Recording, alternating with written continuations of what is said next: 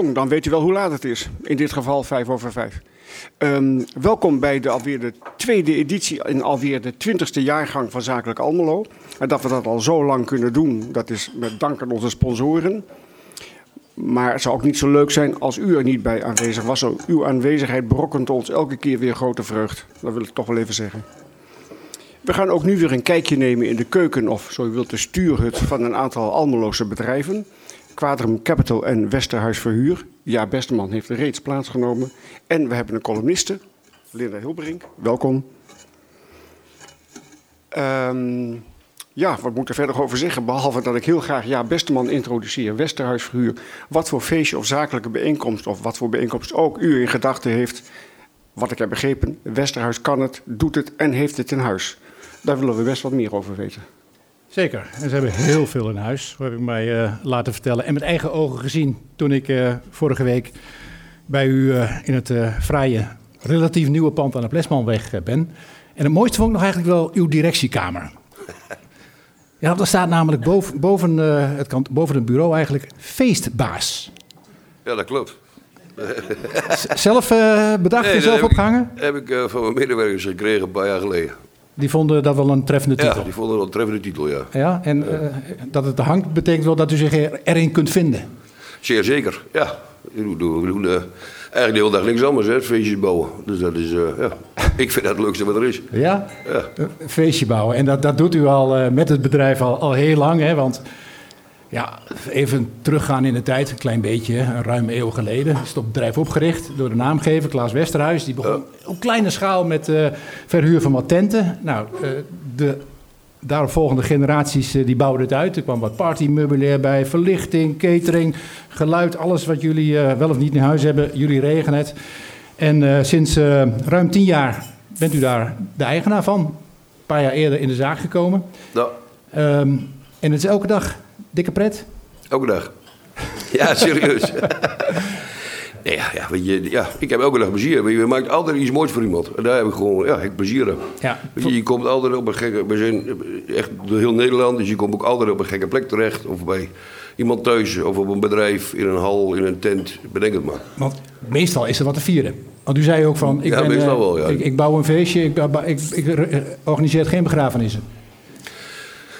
Nee, ik ben geen uitvaartondernemer. Maar, uh, maar uitvaartdiensten worden wel steeds vaker uh, echt uh, ja, persoonlijk geregeld. Door de tent en zulke ja. dingen. Ja, absoluut. Ja. Dus dat doen we ook steeds vaker. Ja. Jullie doen alles, maar ik noemde een paar dingen. Maar wat komt erbij kijken als er een, een bedrijf of zo een jubileum viert?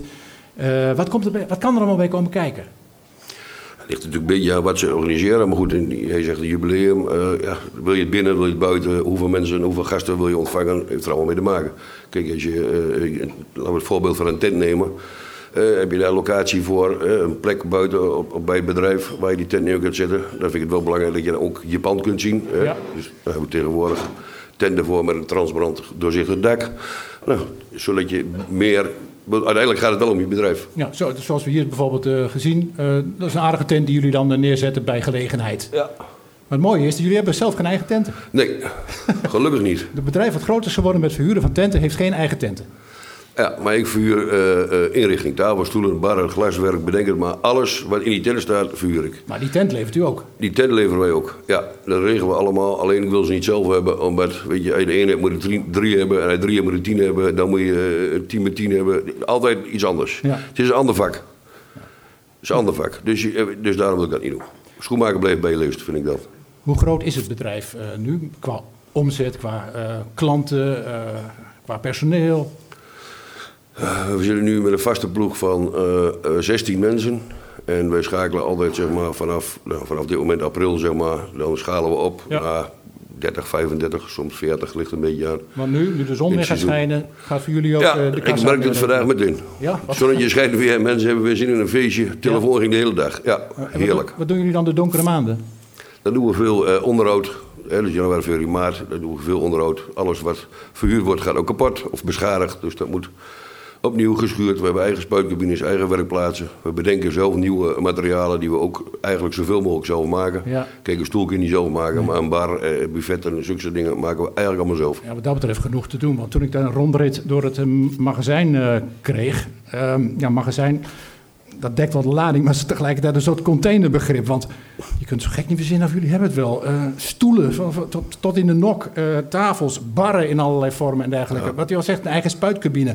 Dat kom je alleen maar tegen bij een uh, industrieel bedrijf of zo. Maar dat hebben jullie gewoon in eigen huis om dat barretje wat wit was... nu in de modekleur lila of zo te, te maken. Ja, bijvoorbeeld. Of zelfs voor, ik, maak, ik heb wel relaties, dan moet die bar in één keer rood worden. Dat gebeurt. En dan zeg jij, dan krijg je een rode bar. Geen probleem. Ja. Zijn er, zijn er veel trends en zijn er veel rare uh, ontwikkelingen waar een bedrijf als het uwe in mee moet gaan? Want ik kan me voorstellen dat op een moment dit een beetje in is, maar een paar jaar later is het uit en dan wil iedereen dat. Ja, je moet er zeker bijblijven. Je moet bijblijven uh, in, uh, ja, in type meubilair. En nou, je ziet hier ook allemaal dat verloer staan. Ja, dat moeten wij ook hebben. Zeker, absoluut. Wat in is, moeten jullie kunnen leveren? Ja, absoluut. En hoe, ja. blijft, hoe blijft u daarvan op de hoogte? Veel via internet, uh, beurzen, meubelbeurzen, maar dat was een meubelbeurzen voor echt, maar een hele grote zeg maar. Ja. Uh, bijvoorbeeld is er eentje in Milaan, waar echt, daar komt de hele wereld. Dat is, uh, nou, ik denk, 16 keer die Raaklerstadion vol. Dat kun je met een week nog niet afzien. Dus dan moet je wel echt goed kijken waar je heen gaat. Maar daar, daar staat echt gewoon een nieuws. En dat wil niet zeggen dat alles precies wat daar staat ook nee. doorkomt. Maar van die tien dingen bedenk je zelf iets nieuws. Ja. En, en zo werkt het ook als je als een klant iets vraagt en je hebt het niet zelf in huis. Dan ga je speuren, dan ga je relaties aanboren. Zoek je het op, of op internet, ja. heel veel. Ja. Ja. Waar komen de klanten vooral vandaan? Want Westerhuis is uh, ja, uh, sinds ruim een eeuw gevestigd in, uh, in uh, Almelo. Ja, daarvoor zitten we hier. Maar er is toevallig nog eenzelfde bedrijf, al bijna dezelfde naam, ook Westerhuis, wat in het midden van het land zit. Exact hetzelfde zelfs, ja. Ja, ja. Westerhuis. Uh, ook ook uh, verhuur, uh, ja. catering, alles wat erbij komt. Toeval. Betekent dat dat jullie werkterrein bij Amersfoort ophoudt? Nee, zeker niet. Nee, we zitten echt door het hele land, maar dan wel voornamelijk, tenminste daar zitten onze meeste klanten, Amersfoort, of Utrecht, Amsterdam, Rotterdam, Den Haag. Daar, die contraien, daar zitten we het meeste. Toch een beetje vreemd. Ja, omdat wij werken daar heel veel voor evenementenbureaus en cateraars, maar vooral evenementenbureaus. Ja, en die zitten, richten zich voornamelijk op die, die zeg maar. En we komen wel eens een keer in Brabant of in Friesland, maar dat is het vaak voor een klant, een bestaande klant. Ja, daar wordt het meest gefeest in het Randstad. Daar wonen ook de meeste mensen natuurlijk, de meeste bedrijven. Daar wonen de meeste relatief... mensen, daar gebeuren gewoon veel meer grotere dingen. Ja. Ik bedoel, als je... Uh, Kijk, ik zeg altijd, ik, ik, hou, ik ben, vind het net zo leuk om bij jou thuis of bij iemand thuis te komen met twee parasols en vier staattafels. Ja. Maar dat merk ik ook echt. Dan dat ik in de rij sta met uh, vijf opleggers vol met materiaal. Nou, maar ik neem aan dat... maar die van, die, die van de rij heb ik wel nodig. Ja, dat, Dus dat anders komt niet goed. Ik neem aan dat aan het eind van de rit, als de rekening Ja. ingediend wordt, iets Ja, meer overhoudt aan het rijden-evenement dan het feestje bij mij thuis. Nee, weet je, die hebben we nodig en die zijn ook leuk. Ja. Maar als ik dat de hele dag zou doen, dan... Ja, ik ik ben- vind het juist leuk dat je die diversiteit hebt. Ja, maar ik ben toch feestbeest? Eh, baas. Oh ja. Ja. ja de feestbeest was ik vroeger misschien ook wel, maar dat wordt wel minder. ja, want u zei mij, en dat is misschien wat overdreven, dat u ehm, tot voor kort bijna elke avond op pad was. Ja. Elk feestje waar, u- waar u weet van kreeg, daar was u bij. CQ daar nodigde u zelf uit onder het motto van... ik moet even relaties opdoen. Ja, ja, weet je, de- ik zie altijd een beetje, mijn werk is gewoon, kijk hoe vaak, dat stelde ik je van de week, hoe vaak geef je zelf, nee laat ik het anders zeggen. Ja. Hoe vaak geeft een gemiddeld bedrijf een feest? Niet zo heel veel. Nou, la- laat dat eens houden op één keer op de vijf jaar. Ik denk dat dat al veel is, maar laten we het daar eens op bouwen. Dus Ja. dat betekent dat ik gewoon heel veel mensen moet kennen om te zorgen dat ik elke dag werk heb. En dat, Dus dat daarom, is dus niet ja. zozeer voor het biertje. Ik maak er nu een beetje een dolletje van. Het is echt puur investeren, mensen leren kennen, zorgen dat ze jou kennen. En dat ze, als het in een keer, één keer in de vijf jaar Dat mij is, denken. Dat ze denken, hé, ik moet naar Besteman. Ja. Ik moet naar Westerhuis. Luisterhuis, ja. Ja, ja. En eh, werkt het ook zo? Of eh, is het een, hoe is de concurrentie? Gaat het echt ehm, op basis van gunnen? Is dat het belangrijkste? Of telt... Ik ben ervan eh, overtuigd dat ze werkt. Als ik zie dat wij in, die, in die tien jaar dat ik doe, uit 15 jaar, bijna 15 jaar doe ik het zelfs al. En dat die omzet zo'n beetje verdubbeld is. En de klanten die we hebben, die eigenlijk altijd gewoon blijven. Er zijn heel veel, daar ben ik ook juist gek mee. Hè? Gewoon klanten die gewoon, waar je gewoon toekomst mee kunnen bouwen. Waar je Ja. relatie mee kunnen bouwen. Ja, die, die, die blijven allemaal bij ons. Dus ik ben ervan overtuigd dat het zo werkt. En het meeste, wat je net vroeg, komt mond op mond. hè, Je doet een feest ergens, oh, toch maar mooi, het ziet er super strak uit. En eh, nou, daar krijg je weer een nieuwe handel van. Ja. Zo werkt het. Het is een beetje de vent die de tent maakt. Een klein beetje. Eh, met alle respect voor het personeel, hè? Ja, ja, nee, ja, nee, zeker, zeker. Alleen ben ik niks. Absoluut niet. nee, Kijk, ik kan het wel leuk verkopen en een leuke tekening van maken, zodat je gevoel hebt voor het eruit komt te zien. Maar ja, als de jongens het niet goed opbouwen, dan komt het nog niet goed. Ehm, ik, ja, u zegt wel van die, alle klanten blijven mij trouw en dergelijke. Dat is mooi. Maar we komen net uit een bijzondere periode. Ja, Waar feestjes formeel verboden waren. Behalve op Downing Street 10. Maar wat hebt u daarvan gemerkt? eh, wat niet. Ja, nou ja, dat niks zegt van... eh, nee, we zijn gewoon, we zijn van, eh, eh, de omzet is teruggezakt naar eh 10, 15 procent van wat het normaal moest zijn. En dan moest ik nog allerlei dingen bedenken om nog maar A, een beetje werk te hebben voor de jongens en B, een klein beetje geld binnen te krijgen. Is het redelijk gelukt? Of hebt u een aantal vaste krachten helaas de deur moeten wijzen? En Nee, een, beroep, een beroep moeten doen op allerlei steunmaatregelen van de overheid? Zeer zeker, ja, absoluut. Als, je dat niet, als die steunmaatregel niet was geweest, met alle respect, dat, dat hou je geen drie, vier maanden vol. We waren een prima buffer, en, eh, maar dat gaat zo hard, dat is niet Ja. te doen. Ja. Kijk, je kunt je mensen wel wegdoen. Kijk, eh, alle parttimers en alle oproepkrachten, natuurlijk, dat, klaar, houd op. Maar je vaste ploeg, weet je, je moet bij mij wel weten hoe je zo'n bar in elkaar moet zetten, hoe die staat. Dat leer je niet op school, dat Nee. leer je gewoon in het, in het werk. Dus die moet je vasthouden. Ja. Dus daar hebben we getracht. En weet je, en elke keer, dat, zo ging het natuurlijk ook. Ik bedoel, het werd plat gegooid. En nou ja, ja, ze zijn voor drie maanden. Nou, Ja. Of voor twee maanden. En dan kwam er weer een maand bij. En dan, maar ja, weet je, dus dan elke keer denk je, nou, laat ik maar niet doen. Laat ik ze maar vasthouden. Maar goed, door die steunmaatregelen en... nou, Gelukkig maar. ja, Maar op het Absoluut. hoogtepunt of het dieptepunt van eh, de crisis werd er wel gezegd door alles en iedereen die eh, in de spiegel keken van ja, dit is een soort eh, reset. We gaan nooit meer zoveel vliegen. We gaan nooit meer eh, in de files aansluiten. Want we kunnen ook thuiswerken en we kunnen ook digitaal. ik eh, gisteren volgens mij eerst in de krant. Er waren eerder nooit zoveel files gedaan. Ja, daarom. ja, u Nou ja, kunt- feestjes ook. ja, hoe, wer- hoe, wer- hoe werkt dat dan? Vorig, vorig jaar vanaf april, mei, zeg maar, ging het gewoon... Het was net of de bom barstte. Iedereen moest een feestje geven. Iedereen wilde een feestje geven. Iedereen wilde wat doen natuurlijk. Ook voor zijn mensen, voor zijn klanten. noem maar. Iedereen. Echt onvoorstelbaar. En ik merk het nu nog steeds. Dat, dat, dat verbaast u niet, want u zei toen, eh, midden in de crisis, van ik ben ervan overtuigd dat het weer goed komt. Terwijl heel veel mensen dachten van, nou ja, wat ik al net zei, van het leven zal een stukje anders zijn. Misschien wat saaier, misschien wat voorspelbaarder, misschien wat zakelijker. Nee, maar geloof, dat kan niet. Geloof ik helemaal niks van. Kan niet. Is ook niet gebeurd, maar nee, zou ik ook nooit geloven. Nee. Dus eh, met, Mensen willen altijd iets vieren. Altijd. Met uitzondering van die, die dip, hè, laat het maar even zo noemen. ehm, die afgelopen 10, bijna 15 jaar waarin u ehm, bij Westerhuis aan het roer zit, gemiddeld een groeipercentage van 15% laten zien. Hè? Ongeveer, ja. En u bent nog steeds de enige feestbaas. Bij ons wel, ja. Maar hoe- tot wanneer gaat dat goed? Want ja, u werkt keihard, dat zei u net al. U, u beet leven een beetje doordat u niet meer elke avond op pad gaat. Maar hoe doe je dat in je eentje? In mijn eentje. Och, ja. Ja, nee, maar ik bedoel, er is alle ogen kijken op een moment een aan. Die, die moet... Ja, maar als je plezier.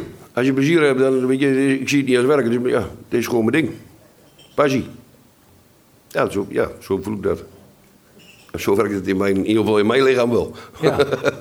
Komt, Ja, af en toe ben ik kapot. Ja, moet je een dagje rustig aan doen. En dan ga je er nou weer verder. u, komt uit de horeca, u komt uit de horeca, toch? Althans, u hebt in de horeca gewerkt. Dat klopt. Is dat, is dat zeg maar een wijze les? Of tenminste een goede ervaring geweest? Eh, Ja, zeker daar kun je ook nooit zeg maar, even zeggen van ik heb vanavond even geen zin. Nee, nee zeker goede ervaring. Absoluut. Absoluut. Ik ben ervan overtuigd dat mensen, in ieder geval mezelf, mensen die in de horeca gewerkt hebben, jeugd die in de horeca werkt, die, daar, eh, eh, die heeft daar voor de rest van zijn leven gedaan. Ja, ja. Ja. Ja. Eh, over de horeca gesproken en over uw sector gesproken en alle andere sectoren gesproken. Zijn dat het belangrijk was dat je je goede mensen niet eh, te snel de deur moet uitwijzen, want je krijgt ze dan eh, niet meer terug. Maar nu, u groeit nog steeds. Andere sectoren trekken ook weer aan. Hoe doet u dat met het eh, personeelsbestand? want ja, zeker in deze komende maanden, als je weer extra mensen, handen nodig hebt, waar haal je ze vandaan? Ja. Ik moet eerlijk zeggen dat ik voor dit jaar eigenlijk wel een aantal te veel heb vastgehouden. En dan eh, eigenlijk nul jongens, zeg maar, zo, zo moeten ze bij ons. Die eh, ik eigenlijk niet, die heb ik gewoon, gewoon heb laten lopen, omdat ik ze gewoon niet durfde weg te doen. Omdat het gewoon, ja, het is gewoon grillig in, in met mensen en, eh, A om die te krijgen, B om ze te houden. Ja. En ja, er moet nog iemand hebben die wat kan en wat wil. Ja. Dat is ook nog niet het makkelijkste. Dus, Dus ik heb er nu een aantal eigenlijk te veel vastgehouden. En goed, we zijn nu druk op zoek weer naar nieuwe mensen erbij. Nou, ik ben er nu een paar weken mee bezig. Ik heb er nog twee of drie. Ja. Terwijl u er het nog... Ja, ik moet er een heleboel. Ja, een heleboel. Ja. Zo tien... Maar weet je, dus ik heb heel vaak zijn het jongens die naar eh, bijvoorbeeld een saxion gaan. Die gaan, eh, of de, eh, doen de verkeerde opleiding of vinden de opleiding niet leuk. Stoppen ermee.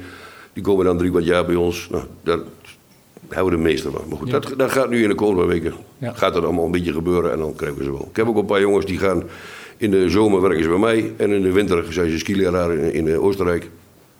Ook prima. Ja. Perfect. Kun je ook een feestje bouwen. Maar moet, moet, het, moet het allemaal mensen zijn die dezelfde inborst hebben als u? Van het leven is verrukkelijk en kom op, eh, eh, we gaan er wat moois van Zou wat maken. moois zijn, maar Nee? dat lukt niet. Lukt niet.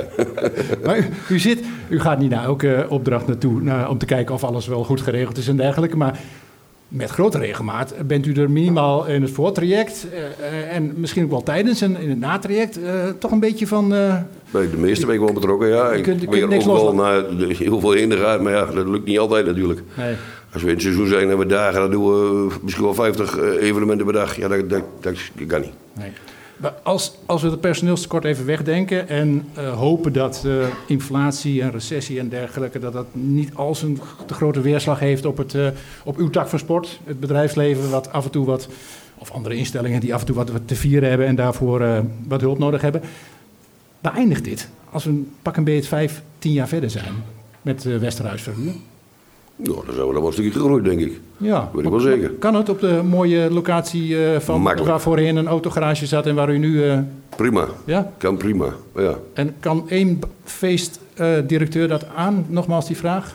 En moet u... Nou, eh, ik, kunt u ik, heb ook nog wel eh, een verkoper in dienst en ik heb net nog een nieuwe verkoper aangenomen. Nee, daar ben ik helemaal niet bang voor. Dat kan prima. dus eh, het leven ziet er goed uit, ge- gezond uit. Het Ja, meeste, zakelijke- meeste dagen wel. Ja. Ja. Nou, mooi toch? Ja. Ehm, ik ga eens kijken aan de zaal of er nog mensen zijn die vragen hebben over eh, of ze nog bij u terecht kunnen voor een parasol en een eh, tap en een. eh, toch, alles kan. Zeker. Microniveau. Zijn er vragen in de zaal voor onze eerste gast van vandaag? Ja? Nee? Dan, dan heb ik tot slot nog één vraag aan u. Want u eh, bent iemand van de details, hebt u eh, gezegd tegen mij. Die stoel moet net zo staan, dat bloemstuk even een 10 centimeter naar rechts. En dit is een goede kleur en dit is, wordt de mode. Wat vindt u van de inrichting van dit eh, etablissement? Ik vind het een gezellig restaurant. Ja? Ja. Is het geheel naar smaak of zegt u van ik had toch even wat anders neergezet? Ja, iedereen heeft zijn eigen dingen, zijn eigen smaak en zijn eigen gevoel natuurlijk. En eh, nee, ik, vind het- ik vind het gezellig. Ja, absoluut. U, u weet wellicht wie, de, wie na de column eh, te gast zijn hier, hè? Ja, inderdaad, ja. Oké, nou, eh, ik dank u wel. En ehm, veel plezier zou ik er zeggen, maar dat is overbodig. Dank u wel. Dankjewel.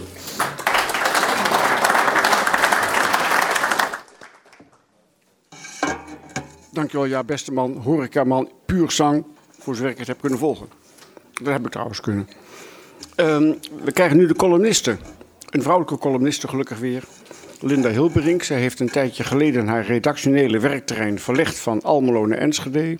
Maar zoals de dichter zegt, je kunt de jongen wel uit het dorp halen, maar het dorp niet uit de jongen. Zo geldt het ook voor het meisje en de stad, de stad Almelo. Maar dan nu vanuit een ander perspectief. Linda, ik geef jou graag deze plek en het woord. Dankjewel, Koen. En eh, hallo allemaal. Ja, dit meisje had eventjes eh, zichzelf iets op de hals gehaald eh, met deze column. Want ik dacht, ik zit lekker anoniem in Enschede op de redactie. Ik doe gewoon een column die ik daar schrijf. En alleen het punt was, mijn column van afgelopen zaterdag werd best goed gelezen. Dus ik stond de hele week met mijn grote, of de hele dag met mijn grote hoofd op de site. Dus toen dacht ik, oeps, kan ik die column hier dan nog wel doen? Maar bijkomend probleem was dat ik weekenddienst eh, had. Dus ik dacht, weet je wat ik doe? We geven de ondernemers in Almelo wat inspraak. Ik neem twee columns mee. Ik heb hier ehm, mijn eh, persoonlijke stress over de energiecrisis en waar dat in, eh, bij ons thuis toe leidde. En ik heb mijn opvatting op eh, asielzoekers in Enschede. En dat heeft dan ook nog weer te maken met de man die daar zit, namelijk het opperhoofd van de gemeente Almelo. Dus welke zal ik voorlezen?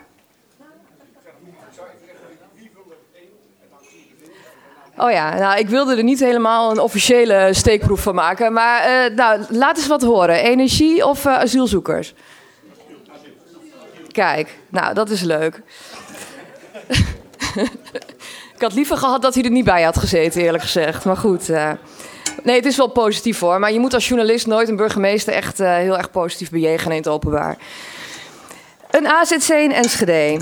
Ja, asielzoekers, vluchtelingen, statushouders. Het maakt niet uit hoe we ze noemen. Feit is dat ze in een vreemd land zijn, dringend op zoek naar onderdak. Een soort kerstverhaal dat dik 2023 jaar later aan, nog niet aan dramatiek heeft ingeboet. Des te triester het felle verzet tegen het huisvest, huisvesten van vluchtelingen op veel plekken, al tientallen, tientallen jaren. Achteraf bleken de problemen met de asielopvang van toen nog maar het topje van de ijsberg van wat we nu de asielcrisis noemen. Ik weet nog dat ruim 30 jaar geleden in Almelo een AZC zou komen. Tegenstanders dachten dat hun dochters verkracht zouden worden en winkels leeggeroofd. Beide zijn niet gebeurd. Natuurlijk was er wel eens wat. Maar de politiecijfers wezen uit dat de criminaliteit niet toenam en de weerstand die verstomde. Zelf zat ik hier toen op de redactie en we hebben dat ook heel vaak uitgezocht. Ook toen bijvoorbeeld de PVV hier in de raad kwam. Dat was super interessant. Nog steeds gaat de opvang van de ontheemden nagenoeg geruisloos in de A-stad. Er is een ACC, er is een opvang van Oekraïners. En het verlengen van een noodopvang rolde onlangs nog moeiteloos door de gemeenteraad. Met wat spierballentaal van burgemeester Arjen Gerritsen richting Den Haag. Maar uiteindelijk was de opvatting dat mensen op de vlucht niet te dupe mogen worden van falend overheidsbeleid en een veel te, lage, veel te lange asielcrisis. En zo is het maar net. Ondertussen schuift grote buur Enschede het dossier al maanden en jaren voor zich uit. En blijft de vraag: wanneer gaat Enschede eindelijk fatsoenlijk asielzoekers huisvesten? Aantallen die passen bij de omvang van de grootste stad van Twente. Let wel, Enschede is een keer zo groot als Almelo. Des te meer dan een tijdelijke noodopvang en wat Oekraïners die nu opgevangen worden. Wanneer komt er een echt AZC? De tijd dringt, want begin april moest de regio komen met een plan voor 4000 vluchtelingen. Voor Enschede betekende dat 1836 mensen, waarvan ruim 500 extra asielzoekers. Vooral die laatste groep die ligt nogal gevoelig in Enschede. Want ja, een zielige Oekraïne mag dan nog een keer. Iemand die een status heeft, mag dan ook nog wel een huis krijgen. Als het maar niet ten koste gaat van een echte Enschedeer. Maar echte vluchtelingen, nee. Vorige herfst poogden linkse partijen al een asielzoekerscentrum van de grond te krijgen. Maar de meerderheid van de raad wilde er niet aan. En dat nee werd nog vaak herhaald.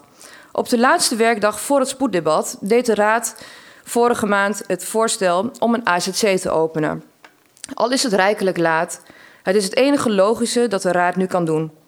Over de eisen die de raad stelde in Enschede wil ik het hier vandaag liever niet hebben. Die sloegen namelijk helemaal nergens op. Enschede wil eigenlijk nog zelfs een zak geld van Den Haag toe, als dank. De Enschedese Raad moet nu dit hele dossier, net als in Almelo, pragmatisch gaan oplossen en eindelijk fatsoenlijk mensen gaan huisvesten. Desnoods met een paar mooie one-liners voor de staatssecretaris, want een asielbeleid dat leidt tot tentenkampen, dat verdient geen schoonheidsprijs. Voor inspiratie voor spierballentaal kunnen ze terecht bij de Almeloze burgemeester.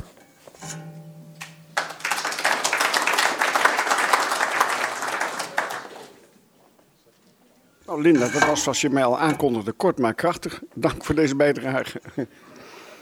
um, die u overigens uiteraard morgen in de loop van de dag kunt teruglezen op onze website. We gaan. Sorry? De, het is bij ons usance om een, uh, over alles kan worden gecorrespondeerd. Er mogen vragen worden gesteld, maar de column niet, althans niet aan plein publiek. Dat mag altijd daarna bij de direct betrokkenen.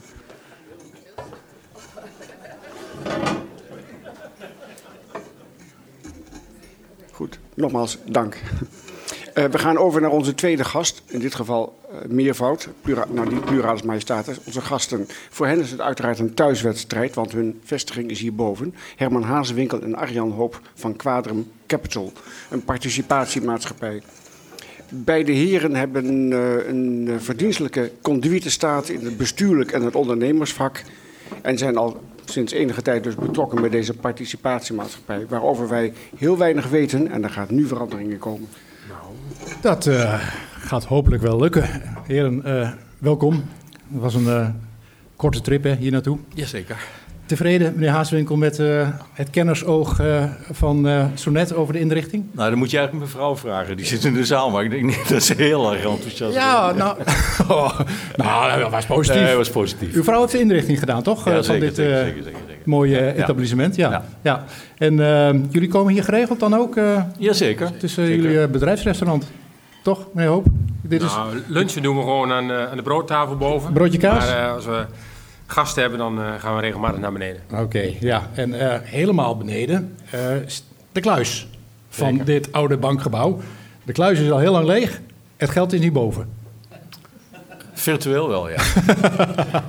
Ja, dat is wel goed ook. Want als je daar een keer inbreekt, dan ben je echt, eh, dan ben je echt multimiljonair. Want eh, Quadrum eh, heeft eh, sinds eh, de oprichting in eh, 2012 honderden miljoenen euro's geïnvesteerd in eh, bedrijven, met name MKB-bedrijven. Ehm, en dat doen jullie, zo zeggen jullie formeel, en dat hebben jullie ook nog eens een keer bevestigd toen ik bij jullie op de koffie was, eh, niet om geld te verdienen, nee hoor, maar om mooie dingen te realiseren. Ligt dat eens toe? Nou, ik zou zeggen, eigenlijk is de combinatie. Oh ja, er dus- wordt wel geld verdiend.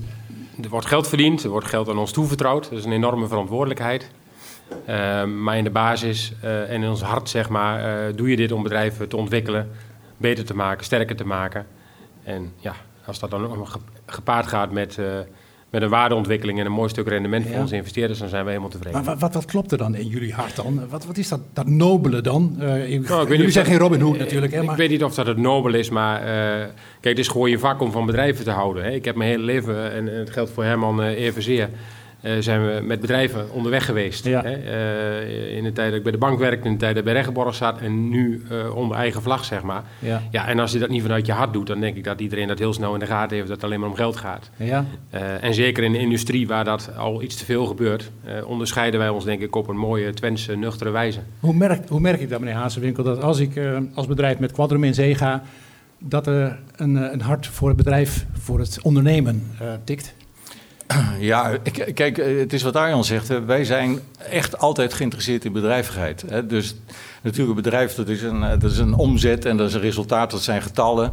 Maar ehm, wij, wij zijn, en ik denk dat ook heel veel van, eh, de, eh, eh, van de directies en van de aandeelhouders van bedrijven die ons benaderen of die wij benaderen om samen te werken, dat die dat ook aanvoelen. En ehm, eh, ik heb dat ook al gezegd in ons vorige, in ons voorgesprek. Wij zijn nooit enig aandeelhouder. Wij zijn altijd Nee. mede-aandeelhouder met anderen. En dus we hebben er ongelooflijk veel belang bij dat, onze, dat de bela- belangen van, eh, van de directie van Ja. de onderneming en die van ons, dat die op één lijn zitten. Dat het liefst is die mede-aandeelhouder ook zelf de Zelf- directeur, hè? Dat hij ook Zelf de directeur precies dat hij ook aandeelhouder. risico loopt, zijn nek uitsteekt en Ja. passie toont. En eh, we hadden vanmiddag nog een eh, bespreking, eh, Arjan en ik, en, en toen hebben we het ook zo gezegd. Er moet, er- wij vinden eigenlijk altijd, er is een natuurlijk moment dat iemand bij ons aanklopt. Ja. En er is eigenlijk ook altijd, en dat, zo zou het ook moeten zijn, dat er een natuurlijk moment is dat wij weer afscheid nemen van een investeerder. Als er iets moois is Als, gerealiseerd. ja, iets moois, of de doelstelling het is hoeft niet altijd groei te zijn, dat kan op andere Nee, vlakken. wij zijn, wel een, wij zijn wel een participatiemaatschappij die zich echt richt op groei. Nou, het kan ook zijn dat, die, dat behoud het belangrijkste is. Bedrijven die in de problemen zitten, dat jullie daar de helpende hand Ja, toe steken. nee, wij, wij gaan niet voor. Zo zijn we begonnen ooit, hè, Arjan? Ja. Met bedrijven die in de problemen zitten. Maar wij richten ons nu echt op sterke bedrijven die echt een concurrentievoorsprong hebben. En Ja. die ook eh, behoorlijk ambitie hebben om te groeien. Bedrijven komen tot Quadrum. Ehm, werkt het zo, meneer Hoop? Jullie gaan niet zelf naar een bedrijf toe waar je zegt... hé, hey, dat is een leuk, interessant bedrijf. Kijken of we daar eh, een helpende hand kunnen toesteken. We, hebben, we zitten in de gelukkige situatie dat wij ehm, inmiddels meer dan 250 ondernemers en families achter ons hebben staan. Die geld, zeg maar... die geld aan ons toevertrouwd ja, hebben. precies. Ehm, dat is een heel mooi netwerk. Ja. Daar komt heel veel uit. Hè. Dus wekelijks worden we gebeld van... ik heb nog een broer, ik heb nog een zus, ik heb nog een zwager. Ga daar eens mee praten. Eh, dat leidt tot een redelijk unieke eh, eh, dealflow, Ja. zoals wij dat noemen. En eh, voor de rest zijn er allerhande adviseurs, banken, eh M&A-adviseurs, accountants... die in opdracht van hun klanten op zoek zijn naar, eh, naar investeerders. Hè. Dus dat is eigenlijk een soort tweede stroom. Ja. En als wij één keer in een onderneming zitten, dat noemen wij een platformonderneming. Vanuit die onderneming willen we bouwen. Dat kan ook via overnames. Dan gaan we zelf de boer op. Ehm, en het zou best nog wel eens een keer kunnen zijn dat je zegt van... eh, kijk, we hebben een aantal sectoren gedefinieerd... waar we meer dan gemiddeld eh, naar kijken. Ja. Eh, dat we in die sectoren ook bedrijven op de radar krijgen... en zeggen van, hé, dan gaan we eens een kop koffie drinken. Helaas hebben we daar nog onvoldoende tijd voor gehad. Goed. Straks, straks meer even over Ja. die sectoren en waar je nou precies met, met name in het MKB naar kijkt. Maar even over die, al die mensen die het geld aan jullie toevertrouwd hebben. Wie zijn dat? Waarom zou ik, ja ik niet dus, maar waarom zou ik mijn geld aan jullie toevertrouwen? Om rendement te maken, denk ik hè? Maar waarom maar jullie? Nou ja, eh, ik denk dat veel ondernemers ehm, die hun bedrijf verkocht hebben, hè, of eh, die, die jaarlijks gewoon een hele mooie eh, vrije kaststroom hebben, hè, waar ze zeggen van nou, dat heb ik eigenlijk over. Die moeten iets met dat geld. Ze kunnen een scheurtje in de broek oplopen. Ja, het moet, moet kapitaal zijn wat ze in die zin inderdaad over hebben. Bij ondernemers ligt, liggen andere bedrijven en vastgoed. Dat zijn eigenlijk de twee belangrijkste thema's. Ligt dicht bij hun. Dit ligt dicht bij hun. Ja. Hè? En ehm daar zijn er allerlei smaken. Er zijn in Nederland eh, honderden investeringsfondsen. Ehm, de toegankelijkheid van die fondsen is beperkt. Eh, daar zie je nu een klein beetje een kentering. Ehm, maar je kunt zomaar niet in, in ons soort fondsen instappen. Hè. Vaak is er een vrij hoge drempel. En dat je echt met heel serieus kapitaal moet, eh, moet aankomen. En wij hebben eigenlijk ervoor gekozen, ondanks het feit dat we zeker in de afgelopen zes, zeven jaar hard gegroeid zijn. Om die drempel, hè, wat nog steeds hele bedragen zijn, maar vanaf de begintijd eh, dezelfde te laten dan vandaag de dag. Dus die is uiteindelijk to- toch wel voor veel eh, mensen die uiteindelijk een transactie hebben gedaan met hun bedrijf, linksom of rechtsom, eh, goed bereikbaar. Dan vraag ik, het even, vraag ik het even voor een vriend. Hoe hoog is die drempel? 1 miljoen euro. En daar valt niet over te praten. Met, met ons valt over over te praten. maar- Nee, 1 miljoen, ach, dat is echt genoeg. Ja. Maar waar, dat zijn dus de mensen die aan basis hebben gestaan. Hè, waar jullie vanaf het begin in 2012 ehm, het bedrijf mee hebben opgebouwd, uitgebouwd. Ja. Maar de tweede poot eronder, dat zijn die institutionele beleggers, noem ik maar even. Hè. De, de, die zijn op enig moment ook Ja, en- tot jullie gekomen. En ik kan me voorstellen dat dat ehm, nou ja, een soort bevestiging was, meneer Hazenwinkel, van hé, hey, we zijn goed bezig. Ja, dat, dat was het zeker. Maar je moet ook zo zien dat wij, we hebben natuurlijk een enorme groei doorgemaakt de afgelopen tien jaar. Hè. Ons eerste fonds was 15 miljoen. Ons tweede fonds was eh 90 miljoen. Ons derde fonds was 150 miljoen. En we zijn nu bezig met een fonds van, drie, van 300 miljoen is al gecommitteerd. En Ja. we gaan naar de 400 miljoen. En daarvoor op een gegeven moment, wij, wij maken ook zo'n hele ontwikkeling door van eh, professionalisering. En dan zijn de grote internationale instituten, eh, die eh, ook interesse tonen om in ons te investeren. En eh, nou ja, dat vinden wij dus wel een, eh, ook wel een bevestiging dat wij op de goede weg zijn. Want Ja. die doen een hele ingewikkelde Ja. due diligence en die vragen natuurlijk heel veel informatie op. Ja, maar jullie, jullie waren, ehm, eh, nou ja, ik hoop zei het net al, ehm, eh, een, goe- een goede achtergrond brachten jullie mee Ja. toen jullie hiermee begonnen. Een hoop bij Rabobank gewerkt, bij Regenborg. Ja, u hebt zelf een half leven ook in de bouw gewerkt, ook bij eh Volker Wessels, Wessels en dergelijke. Ja, dan heb je het opgebouwd, maar ik kan me voorstellen dat ja, dat begint toch een beetje, nou lastig is wat overdreven gesteld, maar je moet jezelf wel eerst bewijzen.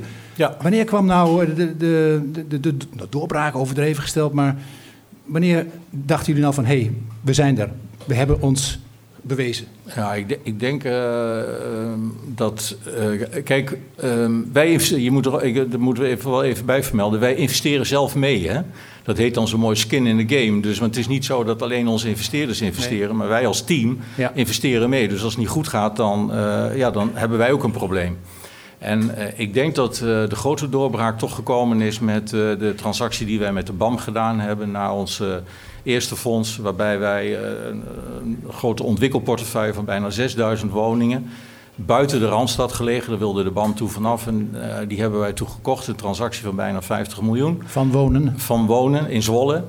En eh, met een aantal investeerders. En Ja. ja, toen kwam denk ik wel Arjan het besef van nou, die mannen die kunnen het wel. Ja. En, en daar zien we duidelijk, toen kwam de tractie, toen kwam het tweede fonds en het derde fonds enzovoort. Was dat toch even, ondanks het feit dat je al echt ontzettend veel bewezen hebt, wel fijn even zo'n schouderklopje van, hé, hey, Nou ja, kijk, die, die, die begintijd, hè, dat was eh, heel veel gesprekken. En Ja. mensen moesten wel ja, het vertrouwen in, in ons hebben. Ja. Hè? En, en eh, het labeltje wat je had, was, was weg. ja, we hadden natuurlijk geen track record, eh, we konden niks laten zien. Dus we moesten echt op vertrouwen van, gaan die mannen dat doen? ja, En de transactie waar Herman aan, aan, aan refereert was een transactie die, zo hebben wij het in ieder geval beleefd, dat, dat de markt nodig had van hey, eh, ze hebben Dick Wessels niet nodig, bij wijze van spreken, maar ze kunnen ook op eigen kracht een zo- zo'n zo'n transactie ja, met een beursgenoteerde eh, eh, onderneming. Het ging om 50 miljoen, het was best wel complex. waar we een jaar in exclusiviteit aan gewerkt hebben. En vanaf dat moment is de bal steeds harder gaan rollen. mooi. Ja, geen track record in, in deze tak van sport. Ehm, en dan komt nog bij dat private equity in algemene zin nou, best wel een, een, een, een negatief imago had. Ja. Zeker, heeft misschien af en toe nog wel. En deels Ehm, terecht. hm? En deels terecht. Ja? Ja, zeker. Dus jullie willen daar niet mee geassocieerd worden? Nou, li- liever niet. en, eh, en daar speelt ook wel weer het voordeel, hè, dat kwam net ook aan de orde, maar dat wij dus toch vanuit de regio opereren. Hè. De, de grote private equity clubs, die zitten allemaal eh Zuidas, hè, rondom eh, Amsterdam. En ik denk dat voor ons toch echt wel, uh, uh, en zeker in de beginfase, echt een onderscheidend punt geweest is dat wij uit de regio komen. En wij hebben ook een, een, een achtergrond, denk ik. En niet alleen Arjon en ik, maar ook onze collega-partner uh, Peter Oosterdenk. Wij hebben alle, allemaal een achtergrond in het bedrijfsleven gehad. Hè. Dus dat, dat, het is niet zo dat wij financial specialists zijn. Hè, die, en dat, dat, ja, ik denk dat dat ons heel erg geholpen maar heeft. Waarin, Waarin merkt een, een potentieel bedrijf waar je mee in zee wilt gaan, nou dat jullie in Almelo zitten en niet aan de Zuidas? Um, nou, dat is toch te maken met cultuur, met uh, ja, onverwacht. Het is, niet, het is verrassend. En, uh, en, uh, um, en inmiddels hebben we ook een kantoor in Woerden. Dus het is ook niet zo dat, dat wij zeggen, we hebben een Twents profiel. Maar het is wel zo, dat is onze achtergrond, het is onze basis, ja. nuchter.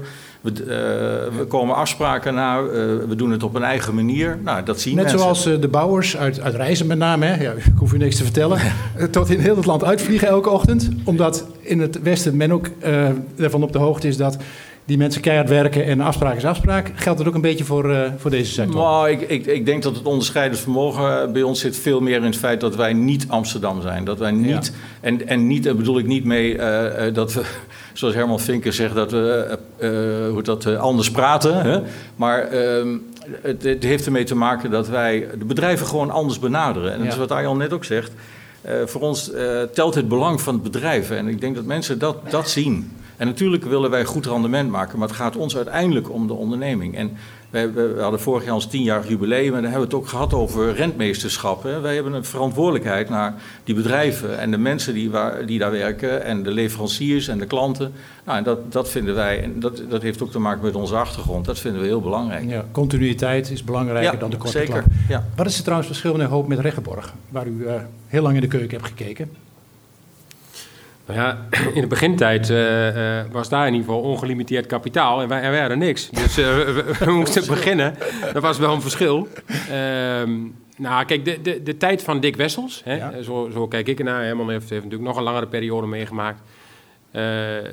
die, die was voor ons ook wel een beetje een referentie. Hè? Kijk, in de tijd dat, dat Dick daar aan het roer zat, die vond echt dat met het kapitaal wat hij gemaakt had, daar moest mee worden ondernomen. Hè, en dat is wat anders dan, uh, dan, dan zeg maar even uh, het beheren van geld. Hè. Ja. Nee, er moest mee onder, worden ondernomen. Ja, en, en dat zit nog steeds ook wel in Quadrum. Hè. Uh, om op die manier naar bedrijven te kijken, de liefde voor bedrijven, de liefde voor ondernemers.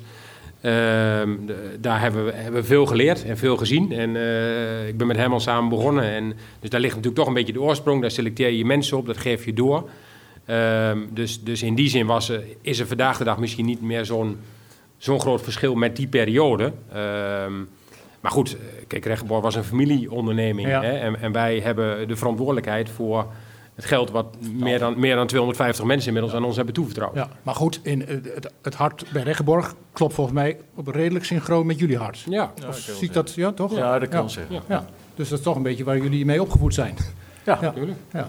En, maar, maar het, het, is niet alleen uh, natuurlijk uh, een warm hart, want uh, laat bedrijven laten groeien. Dat is de insteek. Uh, moet, de liefde moet van twee kanten komen. De directie moet zelf ook participeren en geld investeren en dergelijke. Maar hoe, hoe hard, hoe, hoe, zakelijk moeten jullie zijn? Zijn jullie als het dingen niet lopen zoals het gaat? Als een directie toch uh, linksaf wil, of dat jullie zeggen van we hadden toch afgesproken dat er rechtsaf gingen? Of dat om welke reden ook een andere aandeelhouder rare dingen doet. Uh, je kunt niet alleen maar pais en vree in de tent houden. Nee, wij zeggen wel eens tegen elkaar uh, dat als wij aandeelhouder worden ergens in een onderneming, dan zorgen wij allereerst voor discipline en hygiëne. Dus afspraak is afspraak. Uh, zorgen dat, uh, dat de cijfers op tijd te zijn, dat, dat jullie doen wat we hebben afgesproken.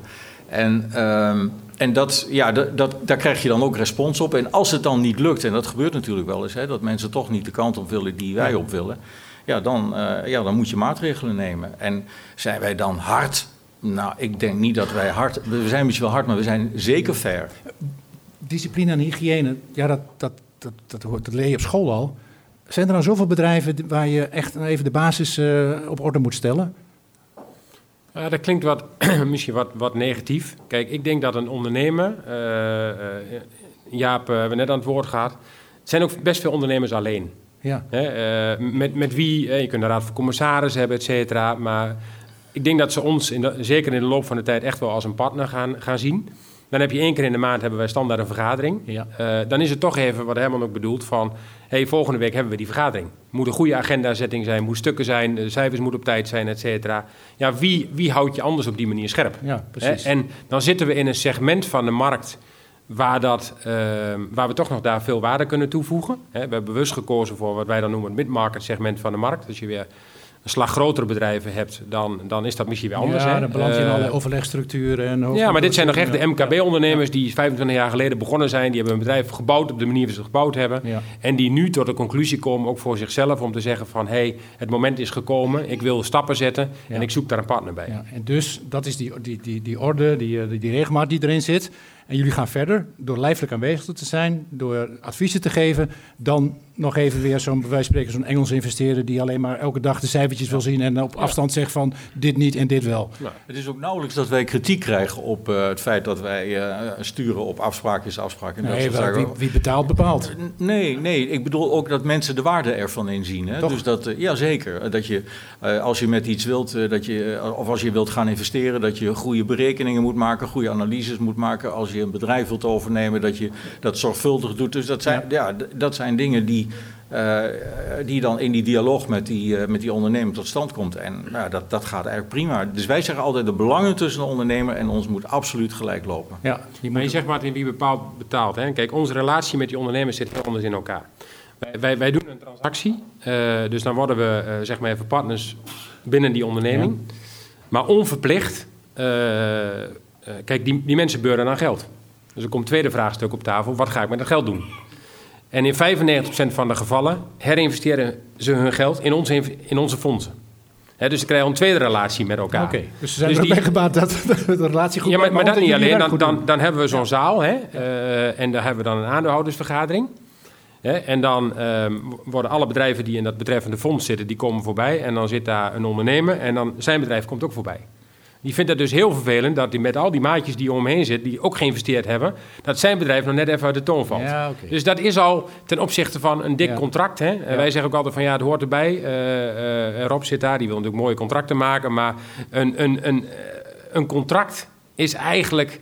Ja, het, ho- het hoort, maar dat partnership wat je met elkaar... Los het gewoon samen op. Dat is misschien ook wel een beetje twens, hè? Ja. Maar die hele aanpak, die spreekt gewoon mensen gewoon enorm aan.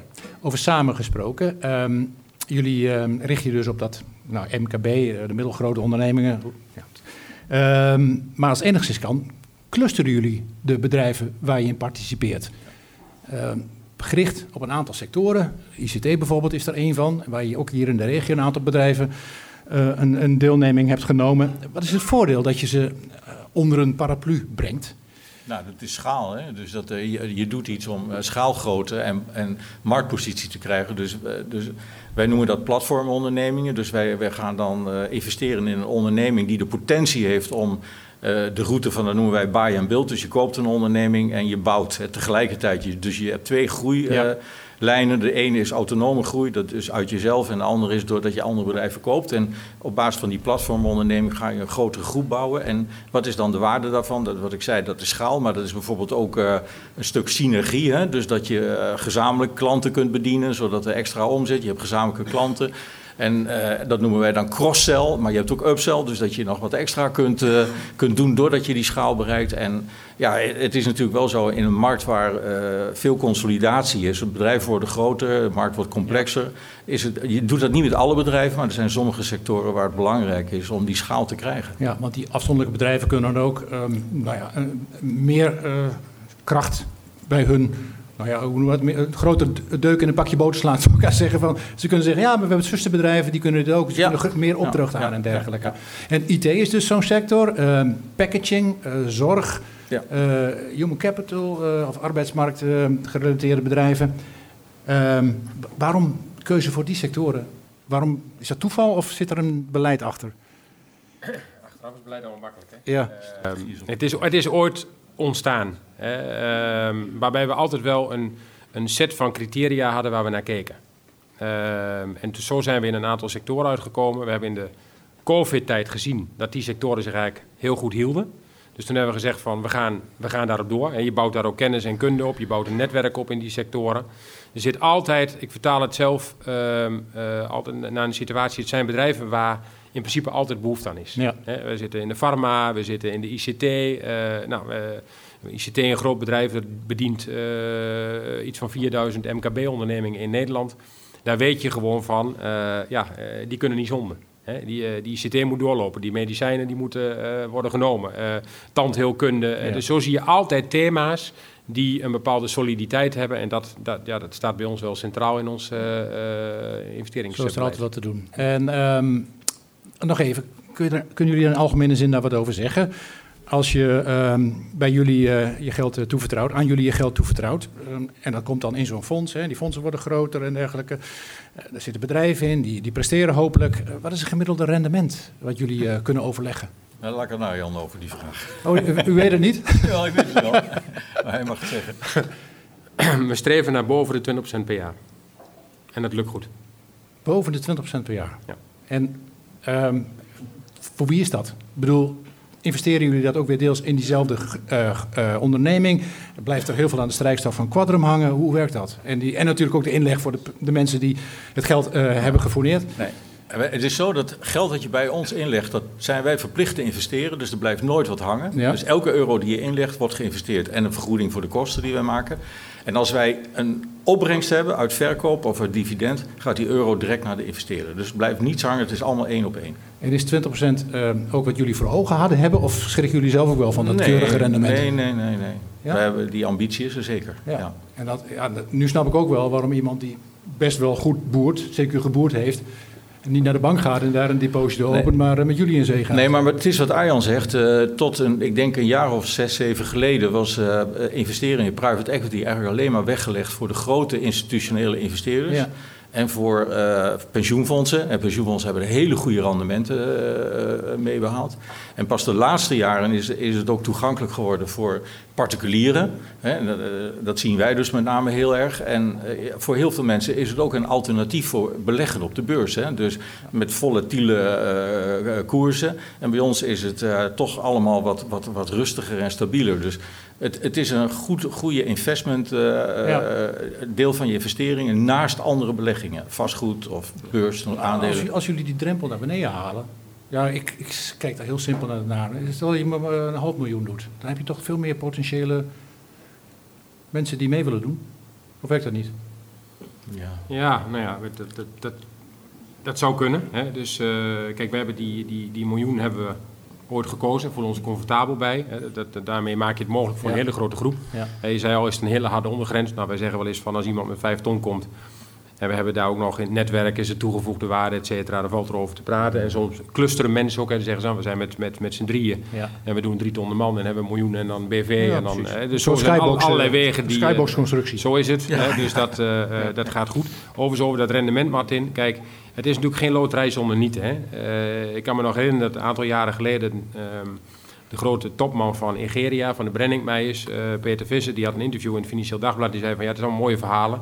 maar meer dan de helft van de fondsen... die haalt niet een rendement wat uitkomt boven de hurdle. En de hurdle is bij ons een, zeg maar, een, een, een soort rendement per jaar... wat vastgeklikt is, wat eerst naar de investeerders gaat. Ja. Dus als wij ons geld investeren, en geld komt terug, dan gaat altijd eerst de inleg naar de investeerders. Dan gaat de 8% per jaar naar de investeerders. En daarna eh, komt er een stuk rendement voor ons. Nou, als je dan weet dat er meer dan de helft van de fondsen niet boven die hurdle uitkomt, eh, dan is het al een heel ander perspectief. Maar goed, de, mensen die, eh, of de fondsen die het goed doen, eh, en, en dat past denk ik ook bij het risicoprofiel wat je, wat je neemt. Hè.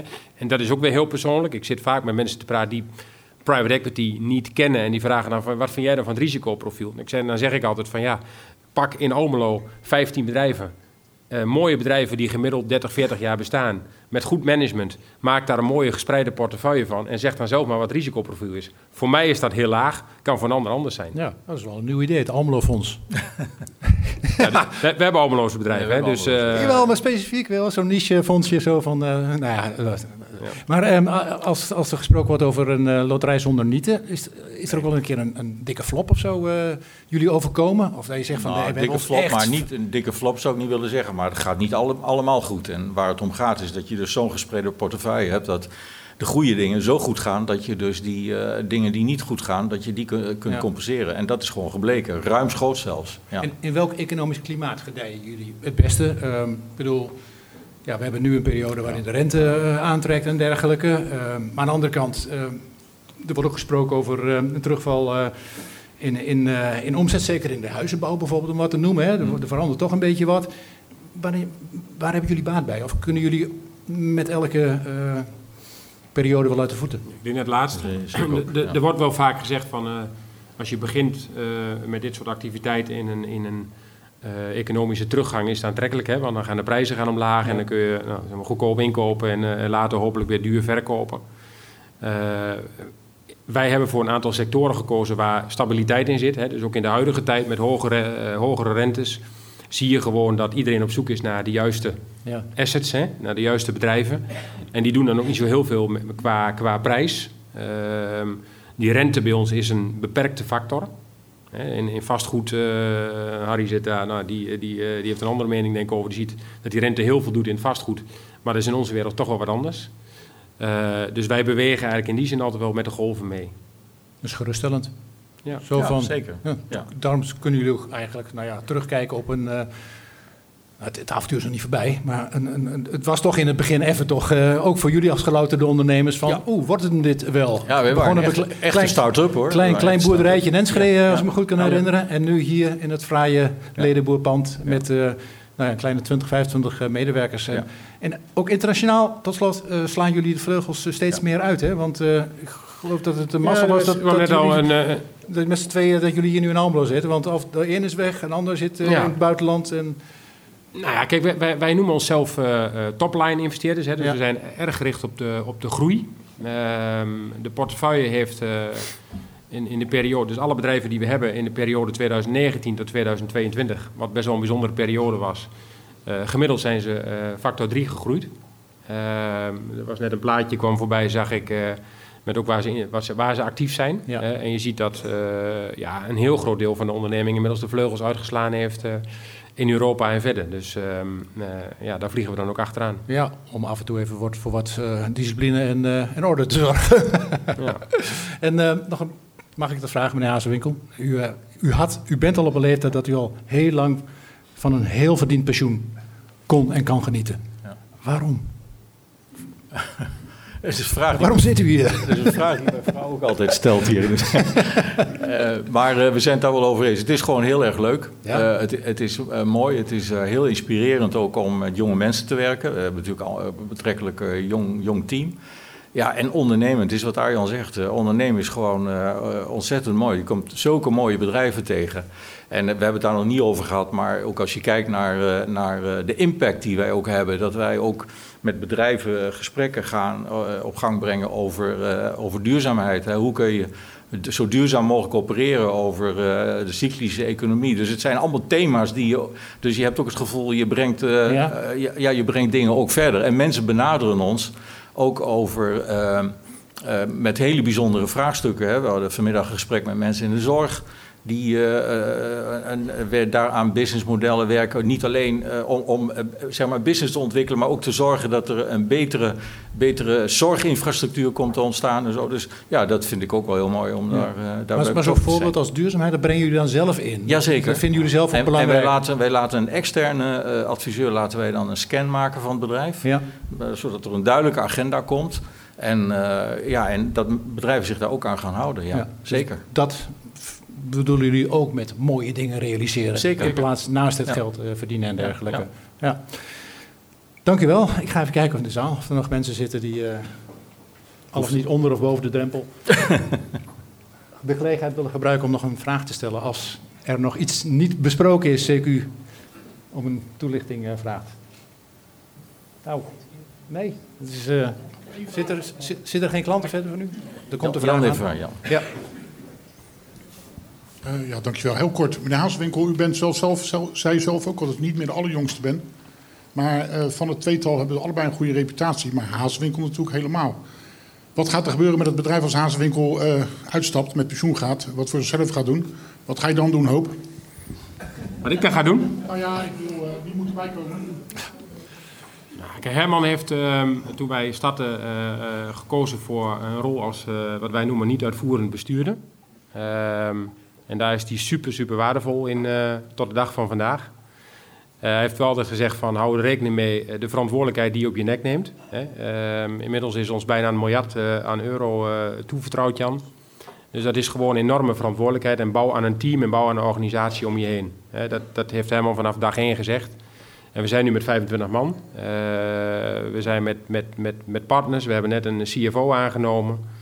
Eh, dus ik denk dat er wel langzamerhand een bedrijf staat. Hè, waarbij ik hoop dat Herman nog tot zijn 83 doorgaat. Maar dan krijg ik Bea op de nek. Dus uh, dan moeten die twee uitvechten. Nee, maar het, het, bedrijf, het bedrijf gaat zonder Herman door. Daar hebben we aan gebouwd. maar hij is gewoon tot de dag van vandaag super belangrijk. Ik, Jan, ik heb daar ook, ook alle vertrouwen in. Het is wat Arjan zegt, je moet, je, je moet bouwen aan de organisatie. En wij zitten nu in een fase dat wij ook echt bouwen aan die organisatie. Hè. Wij krijgen te maken met, met de AFM, dus we gaan voor het volledige toezicht. en dat geeft ook allerlei verantwoordelijkheden, maar dat vraagt ook allerlei aanpassingen in de organisatie. En ik heb heel veel vertrouwen in de kwaliteit van, van het team en ook de verantwoordelijkheid. Dus ik zolang ik het leuk vind, blijf ik het doen. Maar als ik het niet meer zou doen, dan gaat het door. Geruststellend. Voor alle mensen die het geld hebben toevertrouwd. En de medewerkers natuurlijk. En de bedrijven waar jullie in zitten. Hartelijk dank voor uh, deze uiteenzetting. En uh, zo dadelijk weer aan het werk? Of uh, hier nog gezellig in eigen... Nou, we blijven nog een drankje. goed zo. Als het goed is. Dankjewel. Dankjewel.